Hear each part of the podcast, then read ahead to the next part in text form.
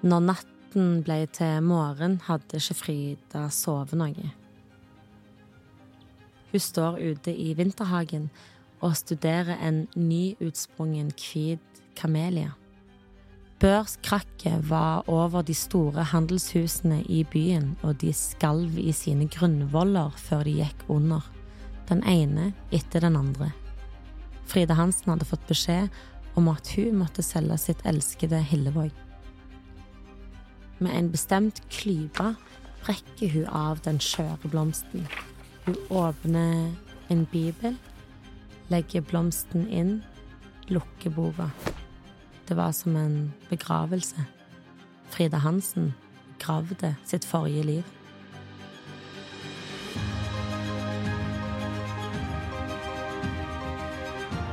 I 2025 feirer vi 900-årsjubileet til Stavanger by, domkirke og bispedømme. I denne podkasten får du historier fra Stavanger i 900 år.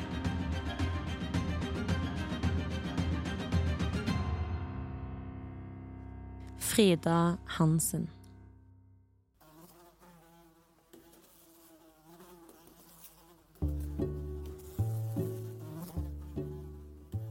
Frida er redd for ei flue, sa folk. Som barn var Frida Hansen redd alle ting. Folk og fe. Spesielt hunder. Men heldigvis for hun hadde hun Laura, storesøstera Laura. Frida var yngst i søskenflokken på tre. Laura var to år eldre. En kjekk og uredd pike, sa de om hun. Laura var pappas yndling og Fridas beskytter i livet.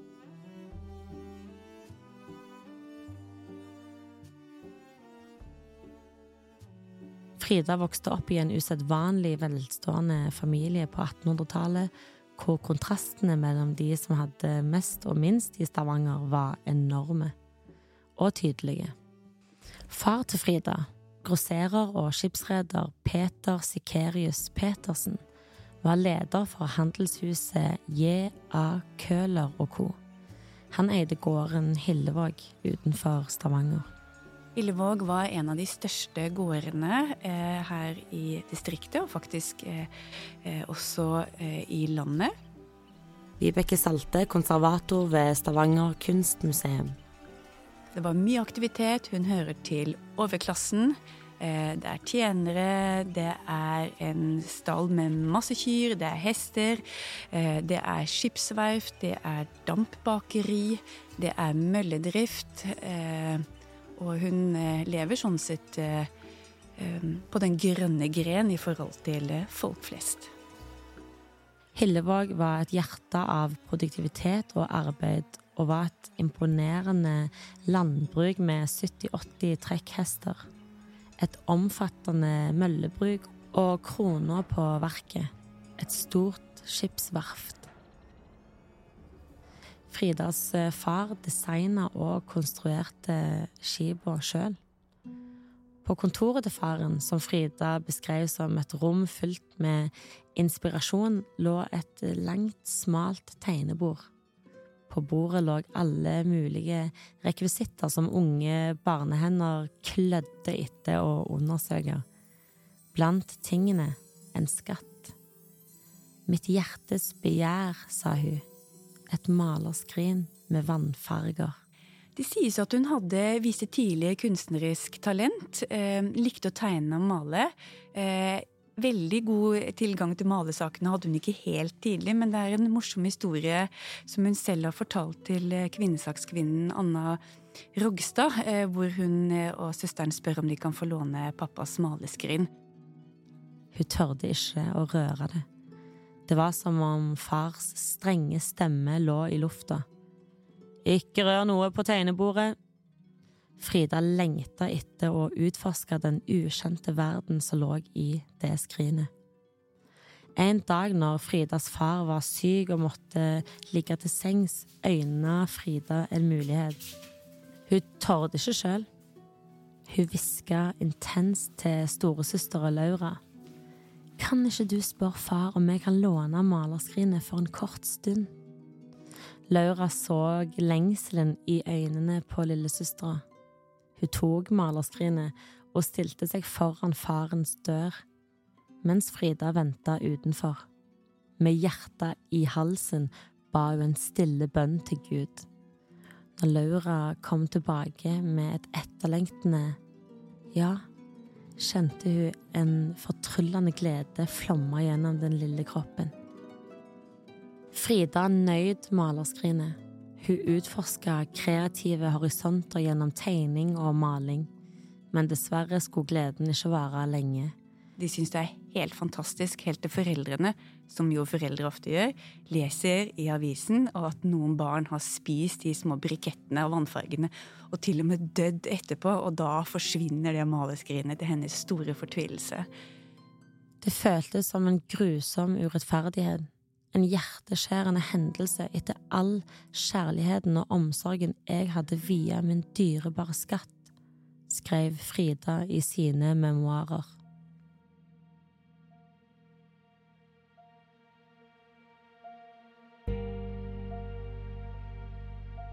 Når barna begynte på skole, bodde familien i vinterhalvåret i Nedre Strandgate 27. Frida gikk på frøken Vieses pikeskole i Stavanger. I 1866 ble Laura syk.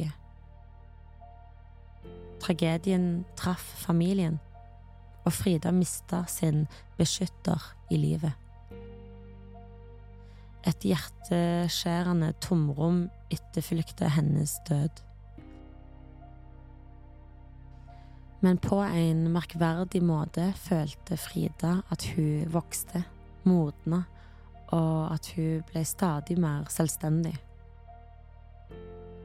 Samtidig ble hun introdusert til Lauras venninner, som på en forunderlig måte brakte ny livsgnist til Frida. Gradvis begynte hun å oppleve en forvandling, som om hun var på vei til å bli en annen person. Hun var ikke lenger den redde og forsiktige jenta. Året 1871 ble Frida konfirmert. Det samme året besøkte hun det vakre landskapet i Hardanger, hvor hun hadde privilegiet av å være vitne til Adolf Tidemann, som skapte skisser til sitt mest ambisiøse maleri. Et brudeprosesjon som kryssa en nesten uttørka elv. Det var da det skjedde, skriver hun i sine memoarer. En tanke ble til en fast beslutning. Frida skulle bli maler. I mellomtiden så får hun lov til å eh, jobbe litt med Kitty Kielland, få litt undervisning av Kitty Kielland og maler en sommer med Benneter, marinemaleren, eh, når han kommer tilbake fra Paris. Så hun har nok hatt det derre ønsket eh, om å bli kunstner. Allikevel ble vintermånedene prega av fester, ball og den søte smaken av kjærlighet.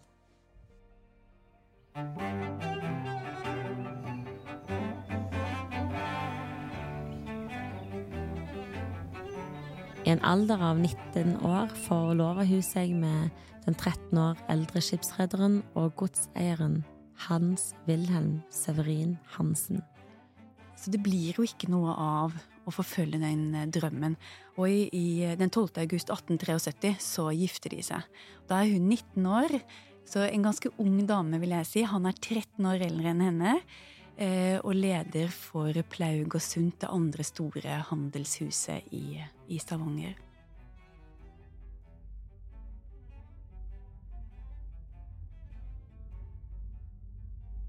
Etter at de gifter seg, dør Fridas far. Det er da ektemannen som tar over styringen av handelshuset J.A. Køhler og co. og gården Hillevåg. Paret får tre barn og flytter inn på gården Hillevåg. Ja, altså De flytter ut eh, til Hillevåg etter at faren hennes dør. Han dør ganske kort tid etter at hun gifter seg, han dør i 1875. Og da blir det mannens oppgave å overta hele det imperiet på vegne av sin svigermor. Um, Uh, og da flytter de ut der og blir boende der ute. Og de holder der selskapelig, de har selskaper, hun reiser en del. Um, Hvorvidt barna er med eller ikke, det sier, ingen, det sier ikke historien noen om, men hun reiser en del i 1870-årene eh, og ser Sarah Bernard, hun ser Monet og Manet. De hadde mye penger. Eh, altså det sies jo, der finnes det også kvitteringer i, i Køhler-arkivet. Eh, det var snakk om å, å kjøpe å importere vin fra Bordeaux og, og altså man brukte Man fikk det levert fra Frankrike, både eh, drikkevarer, og man fikk eh, eh, sigarer fra én plass og Altså, dette var et selskapelig hus, og det fortelles om det allerede i, i Fride Hansens barndom, at eh, foreldrene hadde selskaper hvor eh, hvor folk har beskrevet i ettertid og vært i selskaper i England osv. som sier at det var ingen sto ikke tilbake, Hillevåg var bedre. Så det er klart at de har jo eh, levd i sus og dus, og dette er selv om Stavanger var en liten by, så hadde man øynene rettet utover, man var godt orientert om hva som foregikk utenfor. Men hun sier hele veien at hun føler at det er en tomhet, det er noe som mangler, og da finner hun ut 'jeg skal slå meg på blomsterdyrkingen'. Både hennes eh, bestemor, eh, som døde da hun var fem år, men holdt til i Hindal, bygd opp en veldig fin hage som man faktisk fortsatt kan se rester av i dag. Det er i privat eie, men det var grotter og lysthus og ligger ned mot sjøen, sånn som Hillevåg gjorde. Det kan man ikke se i dag, men eh, på samme måte man kan se sjøen, men det er jo en trafikkmaskin. Ehm, men hun hadde inspirasjonen da fra sin bestemor, som hun mente hadde det artistiske genet, og fra sin mor, som også var veldig glad i, i blomsterdyrking. På slutten av 1800-tallet så er det sånn at det, det, var en grei syssel for damer å holde på med. Man har kreativiteten innenfor hagegjerdet. Og så sier hun at jeg startet med en gartner og menn under han. Så er det mange som har spekulert på hvem kan det være. Eh, og man kan ikke vite det, men det er jo flere som har påpekt. Eh, og jeg tenker at eh, det nok er riktig at det var gartner Paulsen som var den som hjalp henne. Men uh, dette er jo en dame med, med, mot og meninger, så jeg tenker at hun også har vært med på å påvirke. Og når man ser på uh, et av de kartene som er igjen uh, fra Hillevåg, så ser man at hun både Altså for ett år i 1882 så får de bygd på huset i Hillevåg. og man får lagd en vinterhave, og man kan se at det er et drivhus der. Og det finnes noen få bilder av denne hagen som viser eksotiske blomster. Eh, det fortelles også at det var papegøyer, skilpadder, eksotiske fisker. Og man kan se også at det er springvann, altså fontener, som jo var også et sånn statussymbol. Eh, eh, og det er klart at med, med Hillevågs, med bekken, altså med, med mølledriften og, og, bekken som går fra Mosvann og nedover, så har man jo den muligheten til å faktisk eh, skape den type hage som, som, hun da setter i gang med eh, og får omvandlet. Og hun sier da jeg fikk omvandlet hagene på Hillevåg. Og hun hadde grandiose ideer eh, til videre fortsettelse, men det, det ble brått slutt med når eh, hele handelsimperiet eh, ramler over ende. Egentlig så begynte jo krisen ute i Europa i 1875, da, da alle, alle de som drev med internasjonal handel, merket at det var andre tider. I Norge så ramma det først og fremst de store sjøfartsbyene fordi den internasjonale handelen avtok. Og det var jo to store sjøfartsbyer på det tidspunktet, det var Arendal og Stavanger. Så de to byene ble ramma aller hardest. Og til Stavanger så kom krisen eh, rett før juli 1882, hvor en tidligere, eh, altså en tidligere borger eller ordfører ble arrestert for underslag og fengsla rett over domkirka. Og så balla det på seg. Etter hvert så tumla jo det ene store handelshuset etter det andre over ende. Og det som virkelig utløste det store raset, det var jo når, når dobbeltdynastiet, kan du si, altså Plaugersund og Køhler, når de gikk konkurs. De var jo begge ledet av samme mann, Wilhelm Hansen. Og når de gikk konkurs i 83, så var, hadde de til sammen en underbalanse på, som tilsvarte tre millioner kroner. Eh, statsbudsjettet det året var 1,7 millioner. Og det fikk jo ringvirkninger, fordi de drog Det var som et korthus. De hadde jo drevet med og gitt hverandre veksler, altså kausjonert for hverandre. Sånn at det som så ut som en stor, solid rikdom, var egentlig sto på lærføtter, fordi at eh, den, den ene sin, sin, verdier var gjeld til den andre, og når den ene røyk, så tok de med seg eh, de, de, andre. Dette er jo Alexander Kielland sin omgangskrets som ble dratt med i, virvelen. Nå viser moderne forskning at det er ikke sikkert at det ramma de unna så veldig hardt. At det var disse, disse her kollapsene i disse handelshusene, fikk ikke de store ringvirkningene nedover.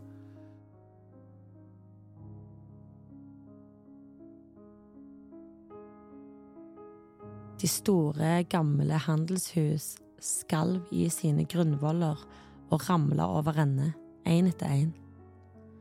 Eh, altså Begjæringen om konkurs kom med 50. januar 1883, så rett over jul.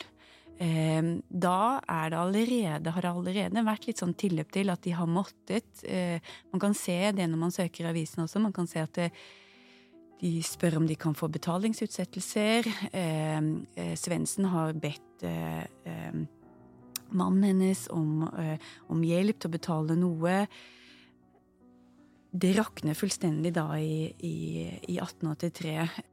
Frida Hansen hadde fått beskjed om at hun måtte selge sitt elskede Hillevåg. Hun, hun beskriver da hvordan hun en kveld får, får beskjed om at nå må Hillevåg selges. Eh, hun har ikke sovet, hun går inn i vinterhagen.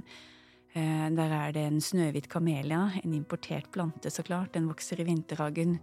Hun eh, den blomstrer så fint og hvitt, eh, og hun tar den av, river av kronbladene, legger de i Bibelen, slår den sammen og tenker 'nå begraver jeg min blomsterdrøm'. Og det må jo ha vært eh, ganske forferdelig. Du vet jo det at du har ansvar for en del folk. De hadde en enorm gjeld. Det kan ikke ha vært veldig lett. Uten at jeg vet liksom, hvordan hennes følelsesliv var, så var det jo et enormt eh, sosialt fall. Ikke sant? Det var hvis du tenker deg Wilhelm Hansen, hva, hva de hadde altså, i tillegg til den Hillevåg, som var Vestlandets største gård i omsetning. De hadde Bjerksted som et landsted i Bjerksted. De, de hadde jo levd et liv, et overklasseliv, og så plutselig så I løpet av veldig kort tid så forsvinner alt sammen. Kommunen overtar mesteparten av eiendommene. Det andre er at hele omgangskretsen hennes opplever jo det samme.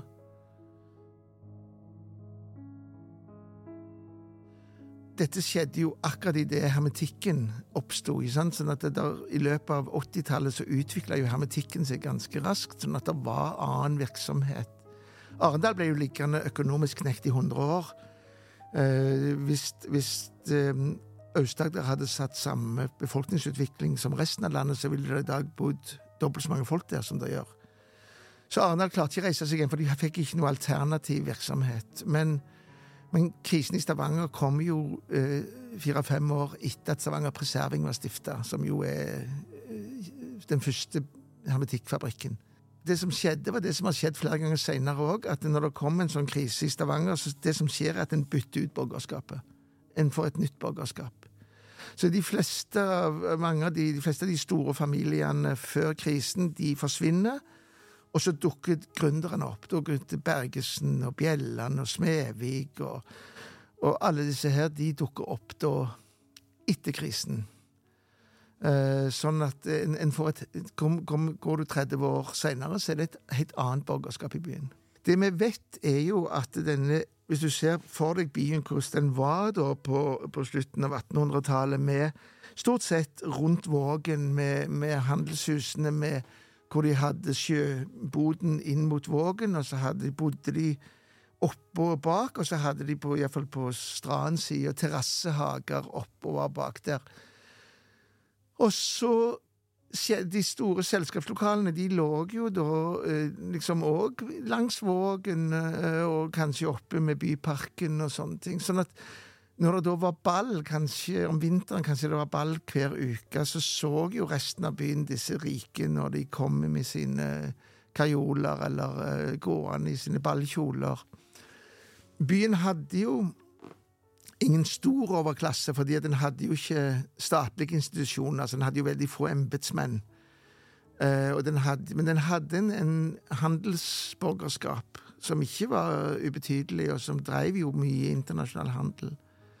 Så vi vet jo fra mange beretninger at de levde på en måte et internasjonalt liv. De leste internasjonale aviser, de importerte internasjonale varer, drakk fin vin og konjakk og røykte havanesere. og og møttes i klubben eller i, der som Verdensteatret lå i, før det brant. Og, og, det var ball hos Sederberg på Sølvberget. Og, ja. Så det var, mm, det var et overklasseliv midt i en by som òg hadde masse fattigdom. Fordi selv om silda og seilskutene førte til at mange i byen ble rike, så økte fattigdommen mer enn rikdommen. Det var flere som ble fattige.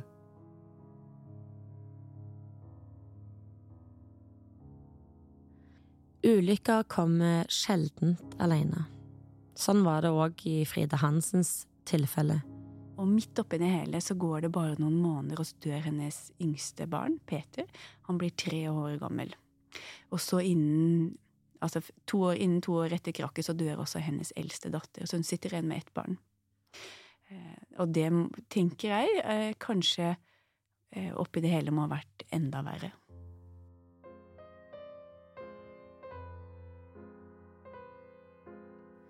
Mannen dro til Amerika og senere til London for å finne arbeid. Dermed ble Frida og hennes gjenværende barn boende hos sin mor. Disse dagene var preget av en dyp tyngde og smerte som syntes å aldri ville gi slipp. Ehm, hun skriver at det var en vond tid. De flytter ned i Nedre Strandgate. Der er det et hus i Nedre Strandgate som er skilt ut, så, så, der bor hun og moren og, og den ene søsteren um, og hennes gjenlevende barn. Mannen drar ut for å, for å finne arbeid, uh, så de blir da igjen i Stavanger. Men så lysna det litt. En kusine som forberedte seg til sitt kommende bryllup, ba om Fridas hjelp med et broderi. Da kom hun med et forslag som skulle forandre livet til Frida. Får et sånt oppdrag om å hjelpe en kusine med noen broderier. Hun sier til henne kanskje du skal i den ledige stuen til din mor, kanskje du skal starte en broderiforretning. Og, og så finner hun ut at ja, det, og det gjør hun. Eh, og det finnes faktisk eh, en annonse i avisen som, eh, som jeg fant nå. Lørdag 21. november 1885 eh, så åpner Frida Hansen Strandens tegnekontor og broderihandel. Da får hun jo litt oppdrag, og det kan man faktisk se litt av i avisene også.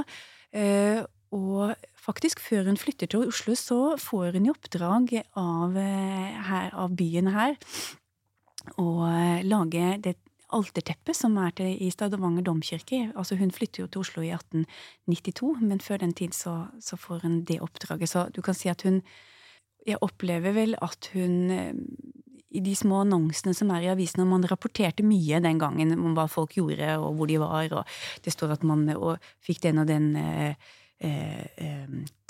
altså man, utlodningen i Kunstforeningen, der og den og den vunnet det og det, og fru sånn og sånn er med der og der. Så jeg tror nok at de, de pleiet et vanlig liv i byen sånn som de hadde gjort før. Og det virker ikke som folk har uglesett henne eh, i det Altså selv om til tross for den store konkursen. Så en dag kom ei dame til Frida med en slitt gammel bunad fra Telemark som hun hadde kjøpt.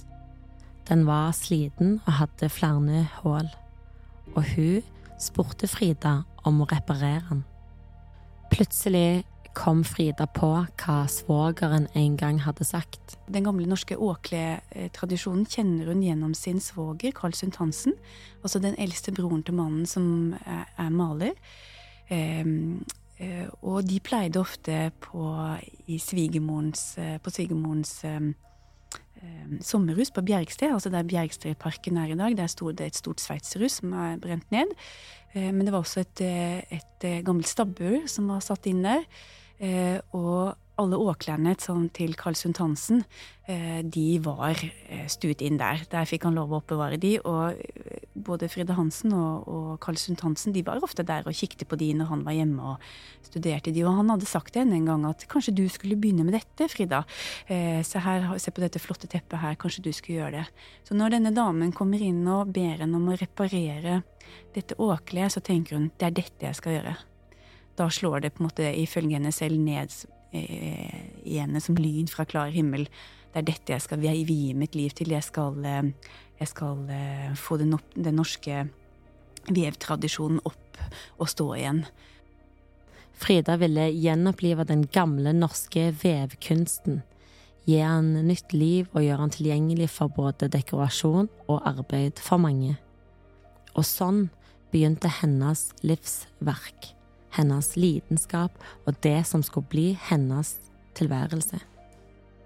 Det første teppet, billedteppet hennes, Birkebeinerne, eh, som hun baserer på et, eh, et um, trykk av Bergslien. Så det er jo egentlig et stort maleri, men det florerte trykk og andre ting. Så hun bruker det som utgangspunkt etter at hun kommer tilbake fra, eh, fra Lærdal eh, og har sett eh, og vært hos Kjerstine Hagelund og, og hennes mor for å, å lære oppstavvev. Um, så setter hun i gang med det, og vever også noen åklær som hun da eh, viser i Sparekassens lokaler her i byen. Og får, eh, folk liker det de ser.